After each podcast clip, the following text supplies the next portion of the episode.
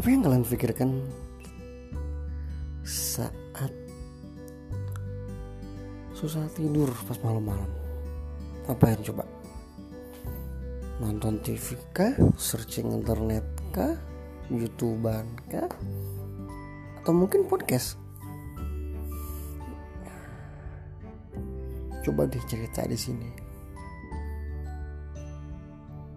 Awal-awalnya kalian gak bisa itu dulu kenapa?